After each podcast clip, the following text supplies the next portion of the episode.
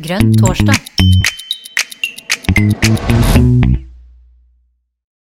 Velkommen til Grønn torsdag. I dag er Anders Marstrander og jeg, Jon Lurås, i redaksjonen. Og i dag skal vi snakke om fisk. Det må jeg innrømme at jeg vet veldig lite om, Anders. Men vi eh, satser vel på at eh, dagens gjenst eh, kan litt mer om fisken, i hvert fall meg. Jeg vet ikke hvordan det er med deg. Du, hadde, du bodde jo i en båt en stund, Anders? Ja, jeg har bodd i båt og har sett både torsk og, og fjesing har jeg ikke sett, men, eh, men diverse andre ting. Men ja. Eh, vi i Innlandet er jo mest kjent for abbor og gjedde og sånt nå, da. Ja. ja. Nei, men dagens gjest, Arne Wilhelm Theodorsen. Og du fortalte at du står nå på den utsatte tredjeplassen på lista til Tromsø MDG til kommunestyrevalget, så da blir du vel eh, fort valgt inn i kommunestyret der og blir heltidspolitiker, tenker jeg? Det vet jeg ikke. Jeg, er nå litt redd, altså. Jeg er nå litt redd ut av meg. Forsiktig person. Mm. Men du skal snakke litt om fisk i dag, eh, og EU. Og ja. Jeg vet ikke, skal vi hva, hva, slags person er du? Du er, i, du er vara til kommunestyret nå, men har du gjort noe før? Jeg har mistanke om at du er pensjonist, kan det stemme? Jeg skal si, jeg skal presentere meg. Ja. Jeg gjorde det som en del av foredraget. OK. Kjør på, du. Jeg har kalt dette her, eh, foredraget for essensiell, eksistensiell og emosjonell. Eh, først vil jeg si noe om meg sjøl. Jeg er snart 73 år gammel pensjonist. Jeg kan real i informatikk. Jeg har yrkespraksis fra forskning, næringsliv og offentlig virksomhet innen teknologi og kulturvirksomheter. Eh, mine interesser er friluftsliv, spesielt innen topptur på ski og langtursykling. Og så kan jeg, kan jo da si at jeg har sittet i landsstyret i Den norske turistforening og vært leder av den lokale turistforeninga her i ganske lang tid. Jeg er ikke det nå, men har vært det. Og dessuten er interesse av kulturaktiviteter, flerkulturelt samarbeid, multebærplukking og rakfisking. Jeg skriver også en del, både debattinnlegg og såkalt storytelling. Jeg har skrevet og gitt ut en bok som heter 'Harske gleder'. Friluftsliv og ekstremsport på ekstremt lavt nivå. Og For tida er jeg aktiv som vara i MDGs kommunestyregruppe, og jeg står på en kumulert tredjeplass til kommende kommunestyrevalg. Vi har nå tre representanter inne.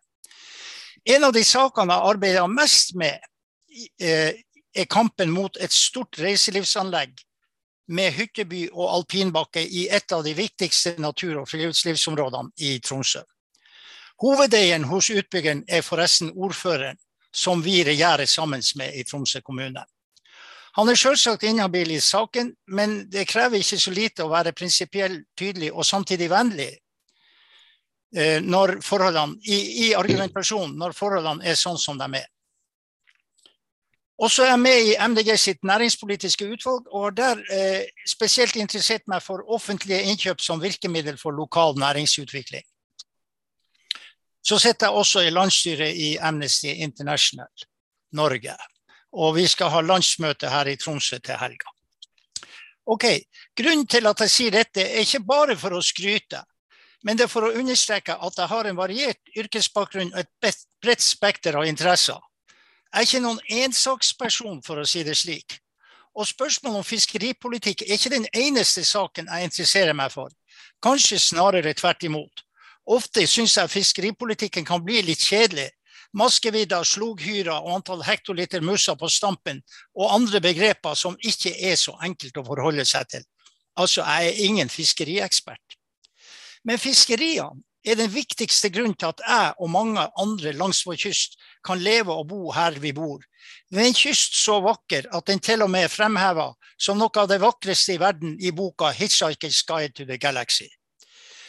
Fiskeriene har vært viktige i hundrer av år, og også den tida vi solgte fisken til Bergen for langt under markedspris. Og den kan også være viktig for oss i hundre av år inn i fremtida. Derfor er jeg nå fokusert om fiskeripolitikken. Men jeg er altså verken fiskeriekspert eller EU-ekspert, men skal prøve å se noen store linjer i spørsmålet om norsk fiskeripolitikk og et eventuelt EU-medlemskap. OK, så da skal jeg begynne med, med innholdet, med det substansen. For en del år siden fikk en kjent norsk fiskebåtreder kjøpt mange fiskekvoter til sin stadig voksende havfiskeflåte.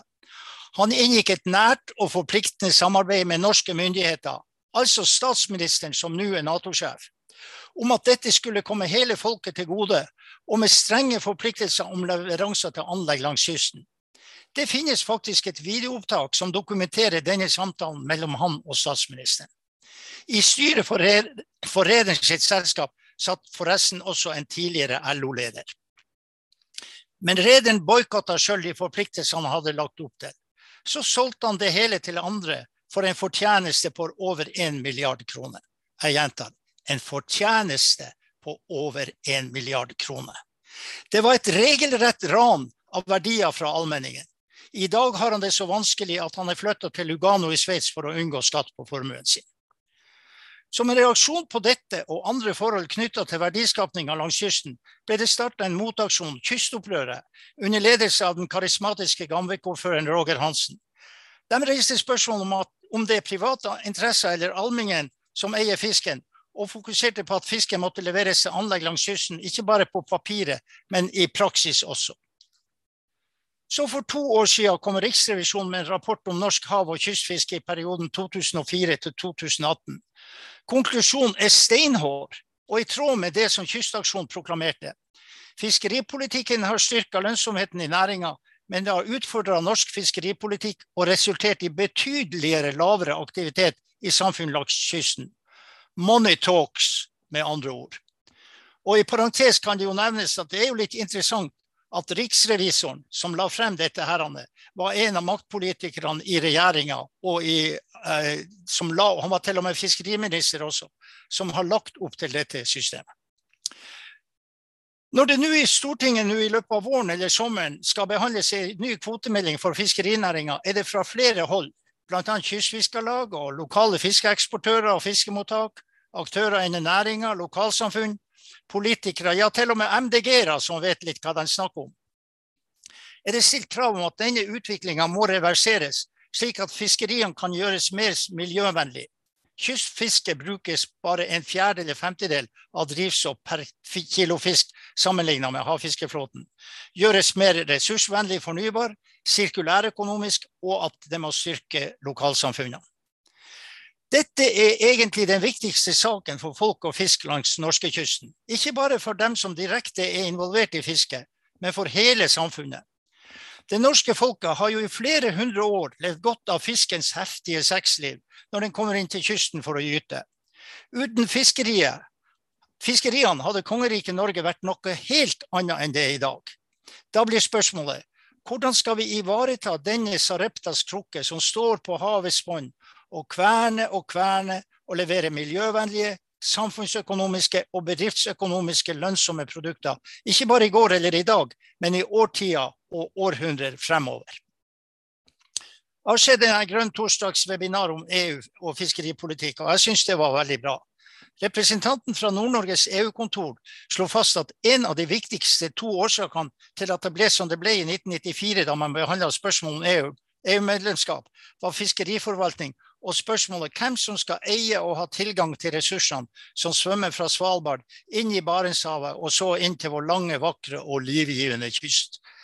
Jeg tror at selv om det har rent mye vann ut i både Barentshavet, Norskehavet og Vestfjorden siden 1994, så er dette fortsatt et svært viktig spørsmål for miljø, for folk, for verdiskapning og for velferd, velferd, velferdssamfunnet. Kanskje til og med det viktigste. Eh, foredragsholderen sa videre. Punkt 1.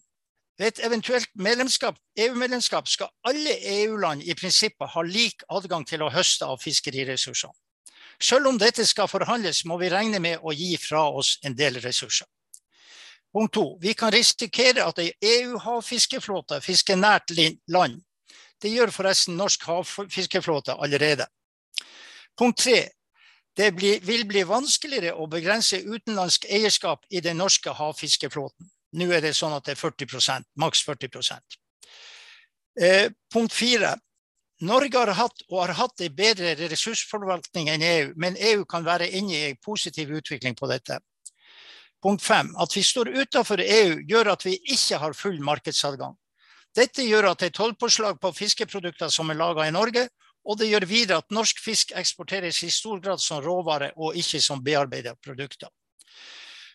Eh, punkt seks. Eksisterende lovverk som råfiskeloven, altså fiskernes grunnlov, og deltakerloven kan bli sterkt utfordra, for ikke å si eliminert. Fremtida til Nord Norges råfiskelag kan også være veldig usikker. Og det siste punktet, det er vanskelig å si sikkert om hvordan EU sin fiskeripolitikk vil utvikle seg videre. Så er det noen som mener at en del av dette kan kompenseres hvis man går inn i EU.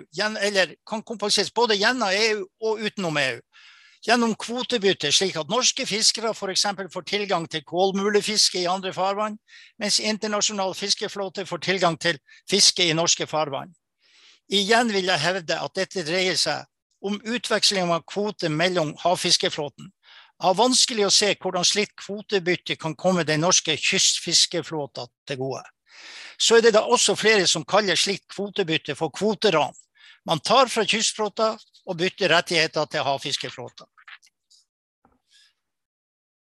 Gjennom EØS-avtalen er Norge nesten 90% medlem av EU. Vi tar, deltar ikke i de besluttende organer, men er ellers med på nesten alt. Men områdene fiskeri, jordbruk og regionalpolitikk er holdt utenfor. Riktignok deltar vi i Interreg-samarbeidet, men her finansierer vi aktiviteten sjøl, og ikke gjennom EU. Men fiskeri og jordbruk er altså holdt utenfor. Og jeg mener da at de ca. 10 hvor vi ikke er EU-medlem, utgjør en, varighet, en viktighet på minst 96% for å holde oss til runde tall. Fiskeri og høsting av havets ressurser har opp gjennom tidene vært helt avgjørende for at det ga bo mennesker langs kysten. Nå er det langt på vei gjort slik at både bosetning og aktivitet er trua. Bare se på situasjonen i fiskeværene langs Finnmarkskysten. Men vi har fortsatt mulighet til å snu denne utviklinga uten å være nødt til å akseptere olje- og gassaktivitet, gruvedrift, oppdrett og annen lite miljøvennlig aktivitet.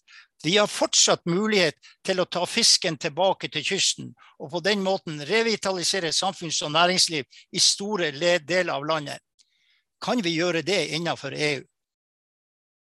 Og så nylig, og så, nylig har landet innført grunnrenteskatt på oppdrett. I den forbindelse har flere, bl.a. MDG-ordføreren i Vardø, tatt til orde for å innføre grunnrenteskatt også på havfiskeflåter. Vil dette kunne gjøres dersom vi er medlem av EU? Arne Wilhelm? Yes. Ja, du stiller et par spørsmål. Har du svar på de også, eller? Nei, eh, det kommer kanskje i løpet av foredraget. Det kommer kanskje okay. i løpet av foredraget. Jeg blir jo nysgjerrig, vet du. Ja, det er greit, men jeg mener at jeg tror ikke det er noen som har svaret på det. Og da er spørsmålet kan vi spille hasard med det. Men du skal få høre. Jeg skal fullføre ja. resonnementet. Ja. Ta, ta, litt til, så kan vi snakke mer om ja, det. Ja. Mm. Jeg mener at dette gir god grunn for å hevde at å søke om EU-medlemskap nå kommer jo svaret, vil være å spille hasard med den viktigste miljø, miljøvennlige og samfunnsøkonomiske næringa i landet. I en situasjon hvor kampen nå står opp om å få brakt fisken tilbake til en ressursforsvarlig forvaltning, til kystfiskerne, til kystmottakene og til kystsamfunnene, kan jeg virkelig ikke skjønne at et EU-medlemskap er den rette medisin. Snarere tvert imot. Det er vanskelig å se for seg at kystfiskere fra EU vil ta sjarken eller robåten med seg for å høste av de enorme og fruktbare ressursene som ligger rett utenfor stuedøra vår. Det blir nok mer havfiskeflåte, mer diesel, mer trål, mer småfiskeutkast og mindre verdiskapning langs norskekysten. Men så hører jeg et motargument her. EU vil sikre at det blir utforma krav som gjør at det ikke kan brukes diesel, men heller hydrogen eller lignende. Akkurat. For å bruke et eksempel fra Tromsø. Ordføreren skrev et brev, sammen, brev til NVE sammen med konsernsjefen i Troms Kraft, hvor de ba om at området Angstøyren måtte utredes som lokalitet for havvindproduksjon nært land.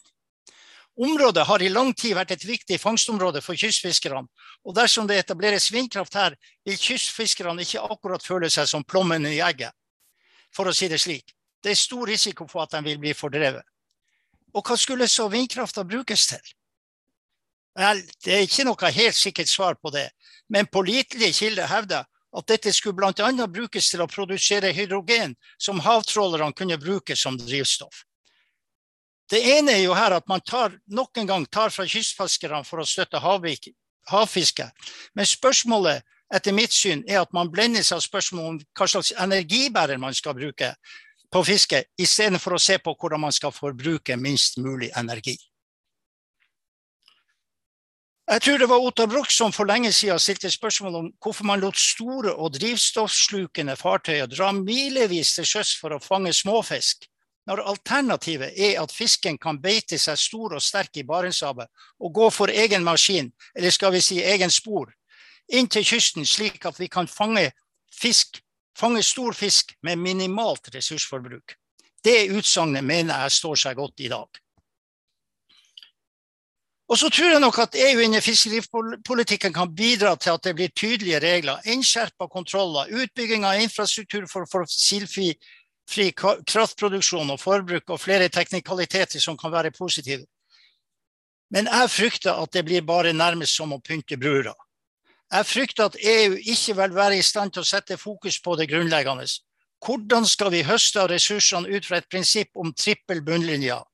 Bærekraftig, både når det gjelder økonomi, naturmiljø og samfunn. Og med samfunn mener jeg kystsamfunnene som i lang, lang tid har vært en grunnpilar for verdiskapning og bosetning i hele landet. Jeg tror ikke at EU vil stå fremst i kampen for å ta fisken tilbake til kysten. Og i hvert fall har EU en lang, lang vei å gå dersom de ønsker å bevise det motsatte.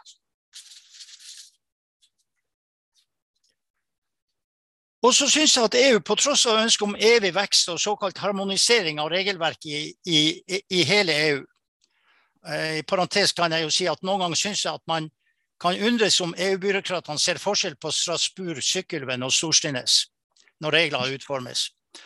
Men jeg syns at EU kan ha mye bra for seg, spesielt når det gjelder dette som politisk tyngdepunkt i en geopolitisk kaotisk verden, strenge krav til miljø og utslipp, og som en pådriver i spørsmål om europeisk identitet. Det er viktige spørsmål. Og de er ikke bare viktige, de er essensielle. Det er derfor viktig å behandle EU-spørsmålet seriøst og ut fra hva som er til beste for miljø, mennesker og samfunn. Dette gjør at jeg ikke nødvendigvis er en innbitt EU-motstander. Jeg vil heller bruke Aslak Toyes begrep EU-agnostiker for å beskrive mitt forhold til unionen. For det er sikkert flere forhold som kan være positivt med EU-medlemskap, også for befolkninga langt nord for Sinsenkrysset. Noen analytikere mener, på bakgrunn av erfaringer fra andre såkalte grisgrendte strøk enn EU, at et EU-medlemskap kan åpne opp for en langt bedre transport og, eh, transport og samferdselsinfrastruktur i hele landet. Ikke bare Follobane eller veibygging i Lågendeltaet. En annen sak er markedsadgang, mer bearbeiding og produktutvikling av fiskeprodukter i Norge. Jo da, det ville vært fint. Men min tid i MDG i noen år har lært meg å tenke i et omvendt kapitalistisk perspektiv. Naturen først, deretter samfunnet, og til sist økonomien. All økonomiutvikling, som både er viktig og som kan være bra, må tilpasse seg naturens og samfunnets tålegrenser. Det må ikke være motsatt. Transport og samferdsel er bra, markedsadgang er viktig, men det blir et underordna argument i det store bildet som for oss dreier seg om en bærekraftig, rettferdig og miljøvennlig høsting av havets ressurser. Og så er det et kompliserende spørsmål, forhold. Og hvis jeg er usikker fra før av, så er jeg virkelig usikker her.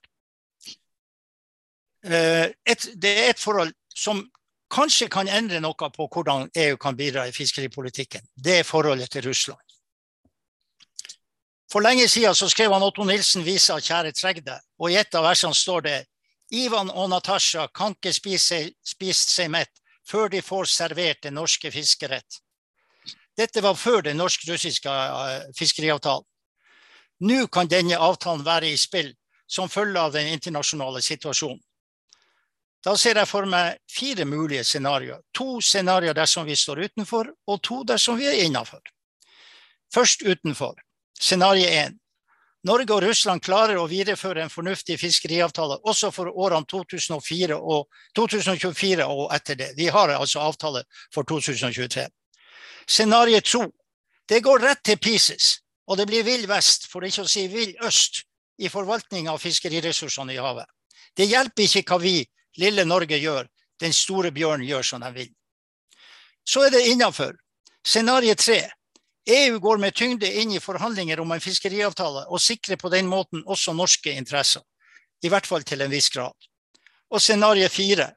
EU og Russland forhandler, og lille Norge blir knust til pinneved i Brottsjøen mellom den store bjørn og de tolv stjernene i EU-flagget. Jeg aner ikke hva som er mest sannsynlig, og er ikke, fremtida usikker fra før, så den er i hvert fall ikke mindre sikker etter 24.2.2022. Men jeg tror at på dette området er både problemstillingen og løsningsalternativene så uklare at det vil være veldig problematisk å legge den norsk-russiske fiskeriavtalen til grunn for synet på et eventuelt medlemskap i EU. Jeg tror at Norge er nødt til å arbeide intenst for å ivareta den bilaterale avtalen som eksisterer, men jeg er ikke helt blind for at EU kan komme til å spille en rolle på lengre sikt. Men å bringe dette inn i diskusjonen nå mener jeg er prematurt. Så nærmer jeg slutten. Spørsmålet om hvordan man skal forvalte landets viktigste og mest miljøvennlige verdiskapningskilde, er ikke bare essensiell, den er eksistensiell. Den handler rett og slett om hvordan man skal kunne ha gode, bærekraftige og miljøvennlige liv i hele landet. Ikke minst i de deler av landet som har stått for viktig verdiskapning i flere hundre år. Jeg kan gjerne stå på for MDG i kommunevalget med budskap om solidaritet, fellesskap, natur, klima, miljø og viktigheten av å stå sammen. Jeg kan også fremføre at vi har svært gode løsninger på mange av de utfordringene som nasjonen, byene og bygdene står overfor. Men jeg hører motspørsmålet. Hva hjelper det om dere kommer med gode løsninger for å styre båten på rett kurs, når dere på nasjonalt plan navigerer rett inn i stormens øye, under dekke av at vi skal stå sammen? Dere blir fort sittende og ause sjarken med ei teskje mens Brottsjøen slår innover rekka. Så er det noen som sier at vi egentlig ikke trenger å si noe om dette i lokalvalgkampen. Vi kan fokusere på vår gode lokalpolitikk, motivere potensielle velgere og utfordre politiske motstandere på våre lokale saker. Det vil vi gjøre. Men folk stemmer i veldig stor grad ut fra en helhet og ikke fra enkeltsaker. Jeg er sterkt bekymra for at et sentralt EU-standpunkt vil overskygge våre gode lokale partiprogram. Etter mitt syn har det å være lokalpolitiker i hvert fall to funksjoner. Det ene er å vise vei, stake ut en kurs og ta ledelse i viktige spørsmål. Det andre er å være folks ombud, dvs. Si, høre hva de sier, ta deres utfordringer på alvor og utmeisle en politikk som løser disse utfordringene. Noen ganger samsvarer dette veldig bra. Vi kan vise at vår nye kurs og nye løsninger er til det beste for miljø, for folk, for samfunn. Noen ganger er det verre det er vanskelig å overbevise folk om at en ny kurs, i dette tilfellet EU-medlemskap, er det som virkelig kan sikre deres, deres interesser og synspunkter. Spesielt når trekkrekord for de nye løsninger ikke akkurat underbygger det som vi mener skal være intensjonen. Og det er vel ikke tvil om at EU sin trekkrekord innen fiskeripolitikk ikke er helt på topp. Dette blir svært utfordrende i et essensielt og eksistensielt perspektiv. Men det kan også ses i et emosjonelt perspektiv, og da spesielt i det som er vårt viktigste velgergrunnlag, i alle fall her jeg bor i Tromsø, og sannsynligvis langs mesteparten av kysten fra nord for Bergen i vest til Nordkapp i nord og til grense i Jakobselv i øst. Jeg skulle selvsagt ønske at vi hadde større oppslutning i bygdene og fiskeværene. Likevel tror jeg at de mange som stemmer på oss, eller som kunne tenke seg å stemme på oss, uansett om de bor i bygd eller by, er like opptatt av at vi må ta kysten tilbake til allmenningen. Om vi ikke hadde kommunikasjonsutfordringer i valgkamp tidligere, vil vi virkelig kunne få det nå. Så for å oppsummere veldig kort, kan det være nødvendig for MDG å bringe EU-saken inn som et viktig spørsmål i det, inn i den nasjonale debatten nå, like før kommunevalget. Jeg mener et klart nei. Tusen takk skal du ha. Det var gjort unna på rundt 25 minutter, det var ikke gærent. Og da har jeg tatt høyde for at jeg ble, var inne med en overrettelse. Og her renner det på med spørsmål. Jeg som tenkte jeg skulle si det at også er det lov å ta ord og stille spørsmål. Jeg klarte ikke helt å se når Birgitte var på og når hun av igjen. Sofie var Nei, det var sånne klappehender det så jeg. Men Thomas har lyst på ordet. Vær så god, Thomas. Ja, eh, det er fantastisk å høre sånne, eh, sånne ting fra deg, Arne Vindheim. Og så må jeg jo si at jeg tror, jeg tror du er den fyren jeg har mest respekt for, som jeg aldri før har møtt. I hvert fall ikke sånn fysisk, men vi har nå sett hverandre på skjerm noen ganger og, og, og svevet litt og sånn. Og så er det vel kanskje ikke noe sånn hemmelighet at jeg og du er nok er ganske så uenige i forhold til det her med det der EU-spørsmålet og sånne der ting. Også, eh, men jeg syns det var eh, gode ting du tok opp her. Eh, og så eh, spesielt i i, i begynnelsen eh, så syns jeg det her med eh, spørsmålet mellom altså kvoteoverføringen mellom havflåten og, og, og, kystflåten, det, det er et, et snodig kapittel. Eh, og det er nå et snodig kapittel i norsk politikk, til tross for at vi har allerede stått utenfor EU. Så, så, så det jeg, jeg, klarer ikke helt å se de, de eh, Eh, hvordan en, en, sånn politikk skal kunne forsterkes eh, noe særlig i, eh, gjennom, gjennom, EU. Jeg er jo av den oppfatninga av at fiskeripolitikken til EU han har store forbedringspotensialer. Men jeg tror ikke at de forbedringene som kommer i, i fiskeripolitikken til EU, kommer i, den grad de bør komme uten norsk innflytelse. For den måten som, Og som han eh, sa, han eh, kompanjongen vår på, på Brussel-kontoret til, til, til Nord-Norge, at uh, EU sin fiskeripolitikk den har bevega seg, men norsk fiskeripolitikk og forvaltning er mye, mye bedre. Og det er jeg jo helt, helt enig med deg. Men så er det jo det her altså, kvoteflyttinga fra havflåten, altså fra fiskebåt som storlederforening og over til fra kystfiskerlagene, det har jo skjedd med eh, i hvert fall de store båtene sin, sine heiarop og velsignelse, for å si det sånn.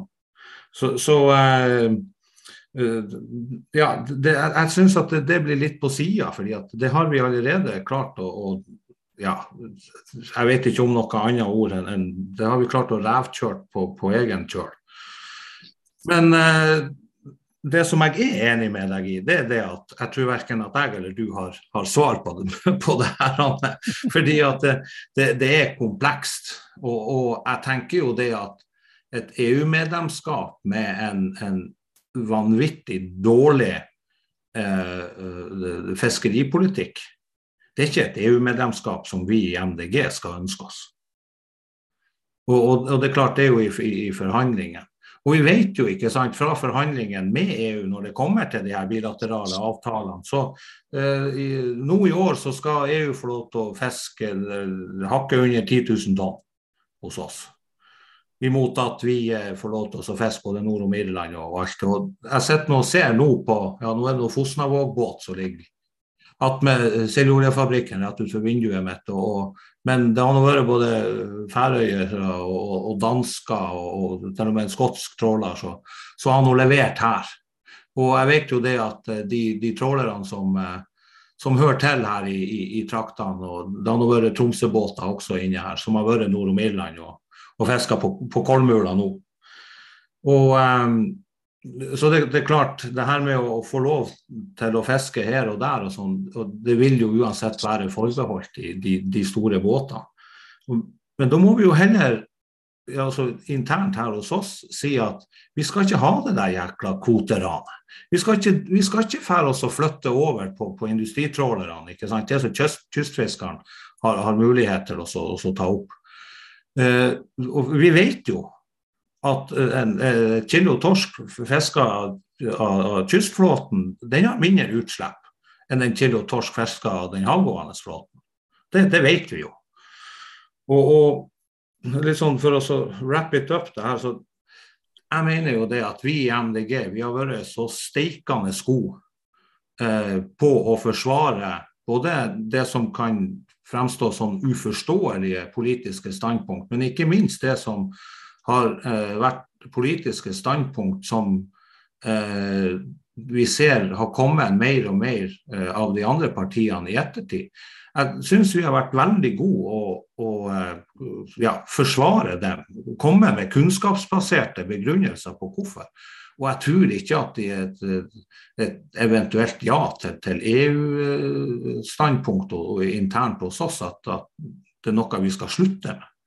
Fordi at vi har si, spenn i, i, laget, og der er, der er, der er en, en, god del folk som, som mener at uh, vi ikke skal ta standpunkt til det her nå. Så det blir jo spennende å se. Men igjen, altså helt enig. En uh, EU-avtale for Norge med en ræva fiskeripolitikk, det er ikke en EU-avtale som MDG skal gå inn for. Takk. Jeg håper du husker hva du har tenkt å svare Thomas Arne Wilhelm. Jeg har tenkt å slippe til Birgitte først, før du får ordet. Kom igjen. Kom igjen, Birgitte. Uh, ja, tusen takk. Uh, jeg har gleda meg til å høre på deg, Arne Wilhelm. Uh, jeg følger deg på Facebook, og jeg koser meg over alt det du skriver. vi har snakket sammen før, og vi har vært ganske enige om hva vi syns er viktig, og hva som er viktig å vektlegge da, for en partiledelse i MDG. jeg skal begynne med noe som ja, dere vil skjønne sammenhengen etter hvert. Men jeg begynner faktisk med fastlegekrisen, og så skal jeg vise hvordan den henger sammen med dette. Regjeringen satte ned et utvalg i august, et hurtigarbeidende utvalg, som skulle komme med rapporten sin. Uh, skal vi se, hører dere meg? Det var bare en litt forstyrrende telefon. Um, som skulle komme med rapporten sin 15.4, men en måned før det så tjuvstarta regjeringen og bestemte noe som het pasient pasientbasert basistilskudd. Eh, og det som var ille eh, altså Det triste er jo at det vil jo ikke hjelpe en dritt, men det aller, aller tristeste det er hvordan de klassifiserer menneskene som står på min liste. Eh, det snør her hvor jeg bor, selv om det er i sør. Jeg bor på 1000 meter over havet. Fastlege i en bygd. Det er en jordbrukskommune, en eh, skogsarbeiderkommune. Og her er det vesentlig bønder. Og 90% av mine pasienter klassifiseres med lav sosioøkonomisk status. For de produserer jo maten vår på dugnad. Det er jo ikke bare bønder som klassifiseres som det. Store deler av kysten regnes som distrikt og klassifiseres som usentralt og med lav sosioøkonomisk status noen av de aller, aller viktigste i landet vårt, fordi de sørger for et av våre primærbehov, nemlig mat. Hvis man ser på Maslows behovspyramide, så er det mat og varme og luft og vann og ly. Eh, og så etter det så kommer dette med sosial trygghet og helse, og det kommer enda litt seinere. Eh, og de menneskene som bor her i dalen, de eh, er superbærekraftige. De dyrker gress, og det er 100 meter inn til de dyra som skal ha det om vinteren. Og null meter når dyra går ute på beite om sommeren. Veldig mange drifter økologisk, og det blir de jo i hvert fall ikke feite av. De kan jo ikke leve av det her, så klart. Så de har jo halve året så jobber de som eh, tømrere eller eh, rørleggere eller i skole og helsevesen. Og så har de landbrukspermisjon andre halvåret eh, for å produsere maten vår på dugnad. Eh, og de er livende redde for EU-medlemskap. Eh, og det, de, Den kunnskapen og kompetansen de besitter, den teller ikke med i utdanning som ligger til grunnlag for sosioøkonomisk status, fordi den er ikke akademisk.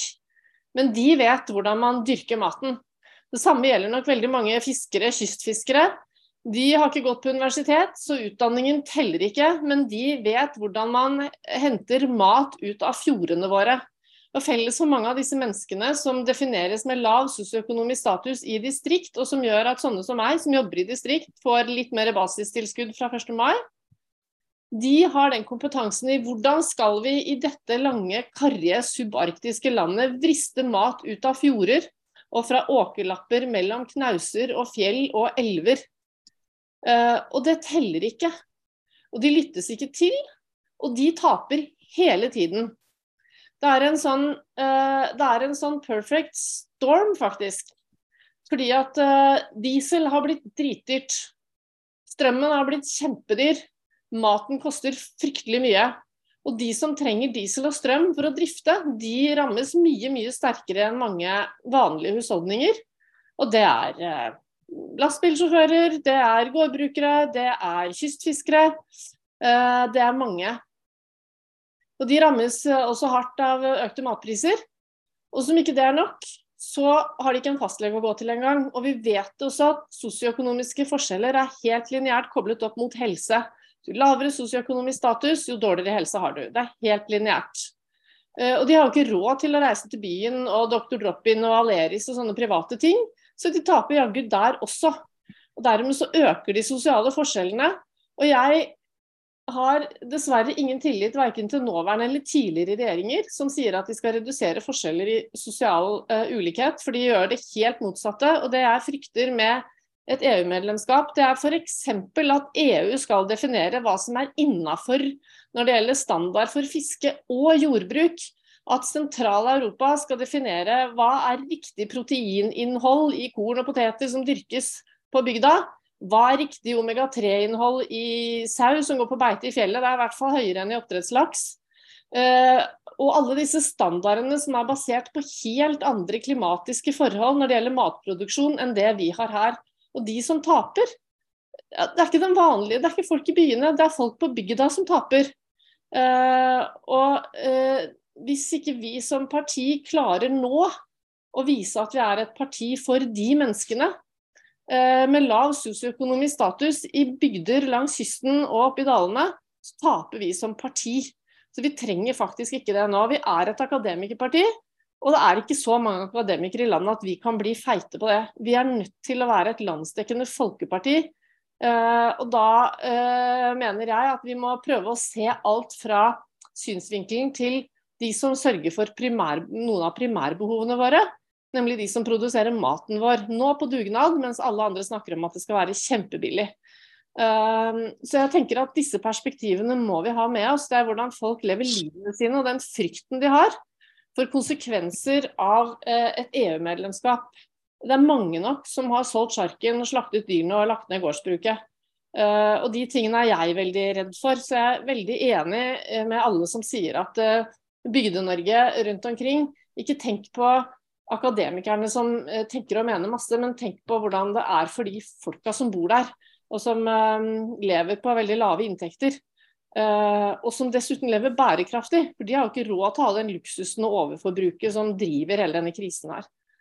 nå skal jeg slutte. Takk. Mm -hmm.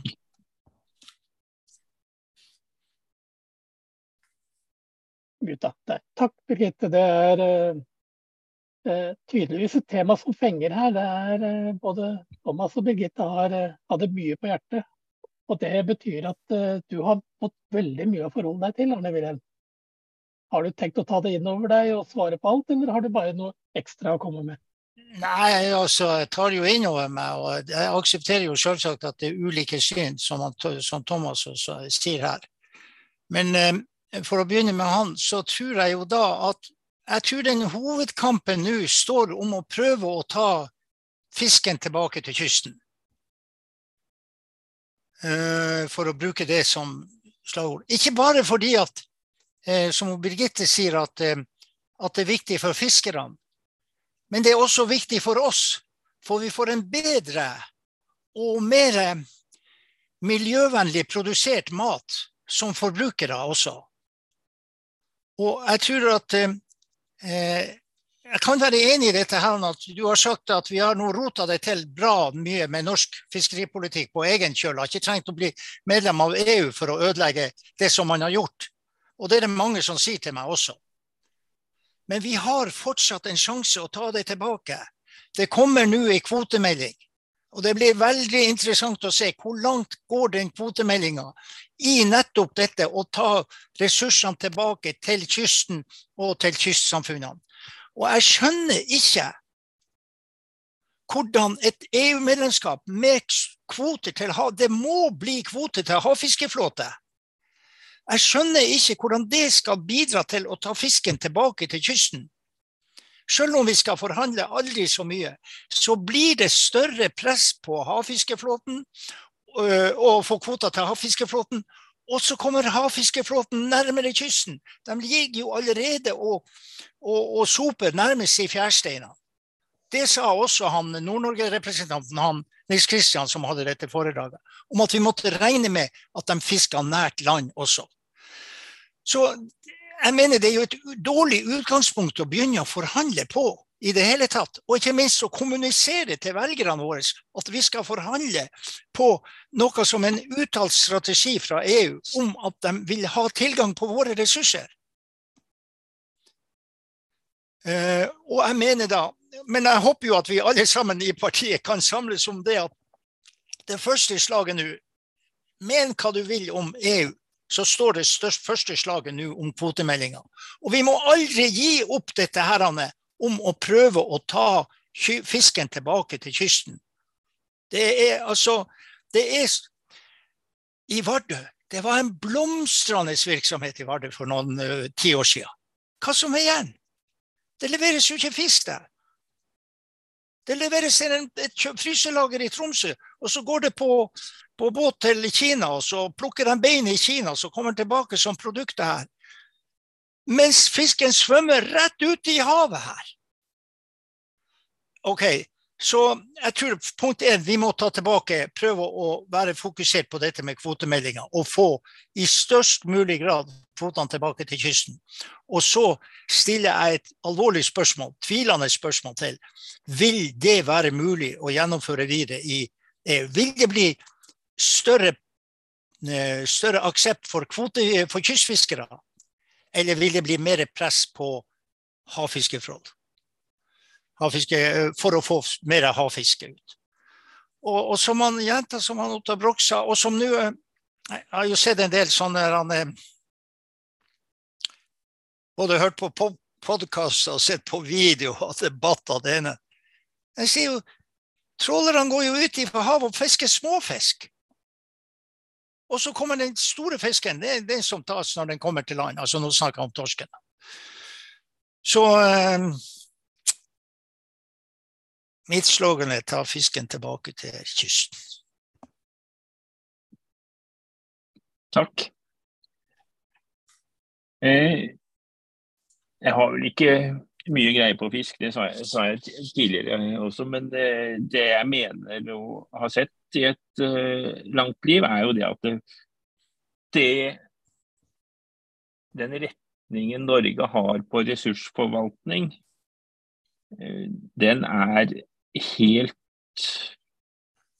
hva skal vi si, går over alle støvleskaft. Og uh, jeg tror jo ikke at dette blir endra om Norge står eh, utenfor EU eller innenfor altså Jeg har litt større tro på at man kanskje kan greie å ta noen overnatur... Eller ikke overnaturlige, eh, overordna valg eh, i en større sammenheng. Men jeg syns jo den sånn som den oljepolitikken er altså, Norge skal bare høste mest mulig. Det er noe kraftsosialisme og andre ting her som da de melker kloden på en måte som eh, ikke eh, Ja, jeg, jeg, jeg, har så liten tro på at vi skal greie å snu det der, det der innafor dagens system. og da har de da, da heller jeg mer altså Jeg har ikke landa noe standpunkt enda, men akkurat på de tinga der så er jeg nok mer tro på at det, det, kanskje kan skje noe i en større setting. Og så um, er jeg jo veldig på det der med at vi må jo greie å bruke bygda og kysten, de gode sidene, sånn som det er vi må sørge for at de eh, som produserer mat opp i, langt oppe i Numedal og på kysten i Nordland osv., at de eh, faktisk da fortsetter med det. og det er disse trend, nasjonale trendene, eller ikke nasjonale, globale trendene med at folk flytter til byen. Det er jo ikke noen norsk trend. Det er jo globalt, det at folk driver og flytter til byene, det, det, ikke, det, det må vi prøve å få stoppa. Men det er mye større krefter enn det vi har i eh, Norge, så langt jeg kan se. Men eh, jeg kan svare litt på, på det der. Anne jeg aksepterer jo at vi har forskjellige syn hva som er mulig å gjøre. Men hvis jeg skal dra ut til bruket i Kvaløyvågen Jeg er jo sånn tursyklist, jeg liker tur. Jeg har en lang sykkeltur hvert år. Og for å trene til den, så sykler jeg ut til Kvaløyvågen, som er Tromsøs største fiskevær. Fiskemottak. Tromsø kommune, det største fiskevær. Og der bruker jeg å prate med folk på, nede på kaia og oppe i butikken og litt sånn rundt omkring. Hvis jeg skal dra ut og ta meg en pause på å kjøpe en kronesis. Og, og, og, snakke med dem og så si vi må ta fisken tilbake til kysten. Ja, hvordan skal vi gjøre det, da, svarer de. Ja, vi melde oss, skal melde oss inn i EU, eller vi skal forhandle med EU. Jeg tror de kommer til å si goodbye. Kan du ikke sykle en annen vei neste gang? Fordi at det er, blir så vanskelig å kommunisere dette her, Anne. I de, den befolkninga som vi skal uh, ivareta, så jeg ser det som nesten et umulig budskap å kommunisere. Ja, bare En liten kommentar på det. Jeg er også veldig motstander av at vi skal ta standpunkt nå. da. Bare, ja, ja. Eh, for, for, så ikke, ikke, noe tvil. Jeg ser ikke behovet for å ta noe standpunkt. Men da har vi en som er veldig klar på standpunkt her. Thomas? Ja, veldig klar på standpunkt, men det, det, ja, det får jeg egentlig takke takke nei til EU for, for at jeg stemte eh, nei i 94. Det gjorde jeg. Og kommer fra en, et, et, småbruk og, og har nå vært både uh, Siri-haler og, og det, er så, er verre, ja. vært på Lofoten også, for så vidt. Men, men uh, jeg, jeg, jeg, skjønner at det kan være, eller at, at det kommer til å kan, kan bli vanskelig også å i forhold til det her med, med argumentene også. Men så oppi der så blir jeg litt sånn jeg, jeg blir litt sånn uff, faen heller, altså.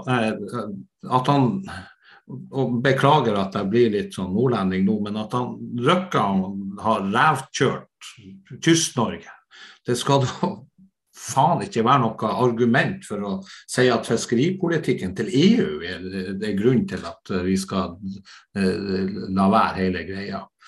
Um, og det, det, er jo det er jo de, de, de brutte på seg løftene som han, Wilhelm viste til. Som, eh, og jeg har tro på eh, det, det, samarbeidet der. Og jeg har tro på det på, på, flere grunner. En ting er nå det at politikere med forskjellig partifarge bruker eh, Hva skal jeg si? Eh, jeg skal være så snill å kalle det for ikke-kunnskapsbaserte argumentasjoner. Når at de eh, i ene eh, sekundet skylder på EU for, for, for dårlige politiske valg, og i andre eh, sekunder skylder på EU for å ikke drifte en bærekraftig politikk. Så, og der er jo uhord, Det er mye myter om Miljøpartiet De Grønne, men dæven, det er mye myter om, om EU også. Så og, jeg, det jeg ser ut av EU eh, e nå, eh, spesielt nå de siste seneste årene, kanskje de tre-fire siste årene, det er at det er jo en helt annen eh, mindset enn så vi hadde både i forkant av 94 og i hvert fall i forkant av 72. Det er en helt annen mindset i forhold til å ta vare på det vi faktisk har. Altså, det som, som ja, Senterpartiet skryter på seg, at vi skal liksom gjøre gården bedre til neste generasjon, det vet vi jo alle som er ordentlig grønne, at det er i utgangspunktet bare tomme ord. Det opplever ikke jeg fra EU. Fordi at eh, vi har hatt skiftende regjeringer som har fått eh, passet passe påskrevet og måtte snudd i døra når at eh, de har oppdaga at oi, her er det noen direktiver som vi har fått, fått eh, med i lovverket vårt, og, og, som, som stopper oss på det. Men vi har jo sett en endring i, i nå er jo, ja, hva det er en måned siden at, at den bilaterale avtalen var underskrevet, hvor at de fikk i underkant av 10 000 tonn.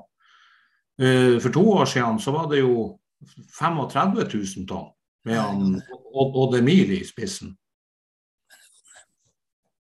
Så ja, jeg stoppa der. yes. Du kan få si litt, Arne Wilhelm, og så har jeg noe, et lite innspill etter deg. Ja, men um, altså, ja, vi er enige om at uh, det som han Røkke og disse her har gjort, det har vi jo klart å legge til rette for sjøl. Og det er ikke nødvendigvis noe argument mot, uh, mot et EU-medlemskap eller ikke. Men pga. det som har skjedd, så mener jeg at vi nå står i en situasjon hvor vi må, må eh, fokusere sterkt på dette her slagordet 'ta fisken tilbake til kysten' ta fisken tilbake til kysten. Vi har en sjanse til å gjøre det. Vi har en sjanse til å rette opp noe av de skadene som eh, kom, eh, som er forårsaka av politikken. Ikke minst siden Riksrevisjonen kommer med en sånn knusende rapport. Og da får jeg vanskeligheter med å se kan vi klare å ta fisken tilbake til kysten gjennom et EU-medlemskap, som stort sett da, i til, dette tilfellet, eh, i denne sammenhengen, vil dreie seg om mer havfiskeflåte. Jeg får ikke det til å henge på greip. Og nettopp, og nettopp fordi at men så, Jeg kan jo ta feil, men det, er, det spørsmålet stiller jeg. Og det spørsmålet er det veldig, veldig mange som stiller. Og derfor så syns jeg det blir, blir hasardiøst. Det blir, det blir gambling å si ja, vi skal forhandle med EU. Vi, MDG vil at vi skal forhandle med EU. For det kan ikke være svaret nå, mener jeg. Det er så usikkert. OK. Mm. Ja, nei, jeg er i og for seg enig i at det er eh, Vi vet jo ikke hva forhandlingene vil føre til. Og, og det er kanskje da et argument for forhandlinger, for å se hva det fører til. Men uh, også kan vi si nei i etterkant. Det har vi jo gjort to ganger allerede. Uh, men jeg hadde lyst til å bringe en liten annen dimensjon, er det vel ikke, men eh, et liten annen vinkling inn i debatten nå som det bare er igjen fem-seks minutter. Eh, vi har snakka om fisk og kystnæring, og, vi har helt hoppa bukk over det som heter eh, havbruk og oppdrettsnæring. Enten det nå er fisk eller blåskjell eller andre øster, som hva det måtte være. De har jo også en, en plass i dette bildet her. Og det er i hvert fall eh, hva skal vi kalle det, kystnære eh, næringer. Og så vet vi, vi har jo snakka om eh, grunnrenteskatt, ja eller nei, lakseskatten eh, osv. Att og fram med regjering og andre. Så det er jo mye å si om det. Men det, det, vet jeg i hvert fall at i, i en del EU-land så er det også en del, spesielt Frankrike kanskje, og, og Skottland har jo også en del Eh, oppdrettsnæring. Eh, så de har vel også litt hva skal vi kalle det, trening på det området der. Er det noen som har noen kommentarer og gode synspunkter? Eh, som en som bor i Innlandet, så er jeg jo mest interessert i å lære å høre, jeg. Arne Wilhelm? Ja, nei, altså, Jeg var bevisst på at jeg ikke tok med oppdrettsnæringa. For jeg tenkte vi skulle snakke om fiskeripolitikken, de store de store fiskeriene og sånt. Eh, men eh, det er jo interessant. Det må jobbes, man må se nærmere også på, på oppdrettsnæringa. Nå blir det jo sagt at, eh, at store deler av oppdrettsnæringa i Skottland er jo eid av norske interesser. Altså Vi klager på at, at utenlandske interesser eier på norske, kommer på norske men det er jo ikke kystfiskerne eller de smågreiene som eier borte, borte i, på Irland eller i Skottland. hvor Det er. Det er jo Vitse og, og Lerøy og, og, hva de heter, alle disse herrene. Det er jo storkapitalen som spiller sammen på den ene sida og den andre sida. Og så sitter småfolka, kyst, eh, dem som hun, hun Birgitte snakka om, dem, de eh, sitter igjen og jeg taper både på den ene og den andre sida. Så jeg skjønner ikke at det, det, kan ikke bli tatt som et argument å si at nordmenn er like, Norge er like eh, invaderende i Skottland som det vi opplever at enkelte utlendinger er. For det er ikke nordmenn som er det, det er kapitalkreftene som er det. Norske kapitalkrefter. Og det vil det jo være eh, når EU eh, havfiskeflåte kommer hit også. Det er ikke akkurat noen småfolk som eier de båtene heller. Mm. Er det noen flere innspill?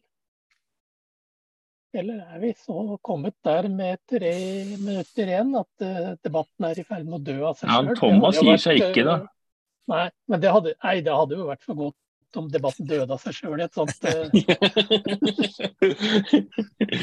vær, så, vær, så, god, Thomas. Kjør på. Thank you, thank you. Ja, uh, nå er jo uh, Det som er vesentlig i forhold til det med havbruk og sånn, sånn der ting, tenkte jeg du kommentere litt på. Altså, det er jo taksonomien. Og eh, verken fiskeri eller, eller sjømatnæringa var jo i starten eh, si, godkjent i, i de her taksonomirundene. Så er jeg litt sånn usikker på, på hvor, hvor, det ligger henne nå. Men, men, det vi vet av, av andre si, felt innenfor EU sin taksonomi, det er jo det at de er ganske knallharde på det. Uh, i, i, forhold til, uh, til, hva det er for noe de regner som, som bærekraftig. Og eh, ikke minst i forhold til de miljøpåkjenningene som er. Så, så tenker jo jeg det at eh, Sjømat Norge de får nok sikkert eh, trøbbel med å skal, skal eh, eh, lobbe seg fram til å, å bli eh, få, få, grønt lys i, i taksonomien, i hvert fall. Men jeg vet jo at de jobber med det. Mm. Det jo Ja, Arne Wilhelm. Ja, jeg skal ikke si noe mer om det, men jeg tenkte å spørre dere til slutt. Jeg var jo litt spent om jeg bomma eller om jeg traff noe her. På det der. Leverte jeg i henhold til det som dere hadde forventa jeg skulle gjøre, eller? Jeg har jo aldri gjort sånn her, så jeg var jo litt spent på hvordan det her ville gå. Ja, nei, men jeg syns det gikk veldig bra. Her greide vi å få eh, forskjellige syn som engasjerte seg voldsomt. og det, da, da blir det da blir det opplysende. Du har, du har din eh, vinkling i starten, og så blir det utdypa av eh, bl.a. Birgitte og Thomas og oss andre. Ja, nå vil Birgitte prøve å kaste seg på enda mer, så da ja, Nei, men jeg syns du traff veldig bra. Så eh, vi Det er interessant. Jeg, jeg, jeg har lært noe. Så men nå skal vi la Birgitte få si noe noe Anders, eller eh, skal vi bare avslutte? Ja, hvis hun lover å være kort, så kan hun få siste ordet. Inntil vi sier da Vi har, vi har et siste ord vi også, da, men Birgitte får nest siste ordet. Vær så god, Birgitte. Tusen takk. Ja, Arne Wilhelm, du er veldig veldig kunnskapsrik. og du, har, du, sa i starten at du var litt forsiktig av deg. Det har du ingen grunn til å være. Du må snakke mer og du må snakke høyere. og Du er en fantastisk bra representant for MDG.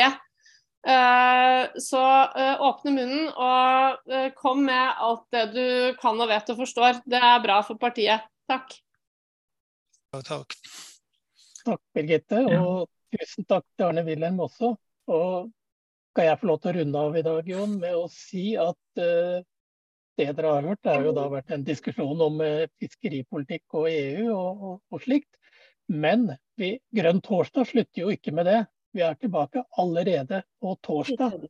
Ja, ja. Grønn torsdag på en torsdag, det er jo ikke, det er ikke verst. Nei. Og da, Jon, da skal du intervjue hvem? Da er det Sindre Sørhus fra Tynset. Det er vel lenger fra kysten enn, no, enn både Arne Wilhelm og Thomas noen gang har vært, vil jeg tro. ja, det ble en eh, bra debatt og opplysende fra flere sier. Det er bra. Det, det trenger vi. Her trengs det kunnskap.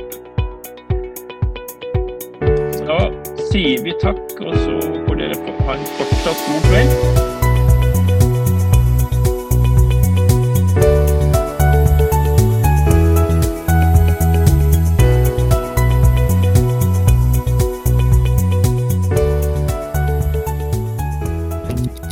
Grønn torsdag.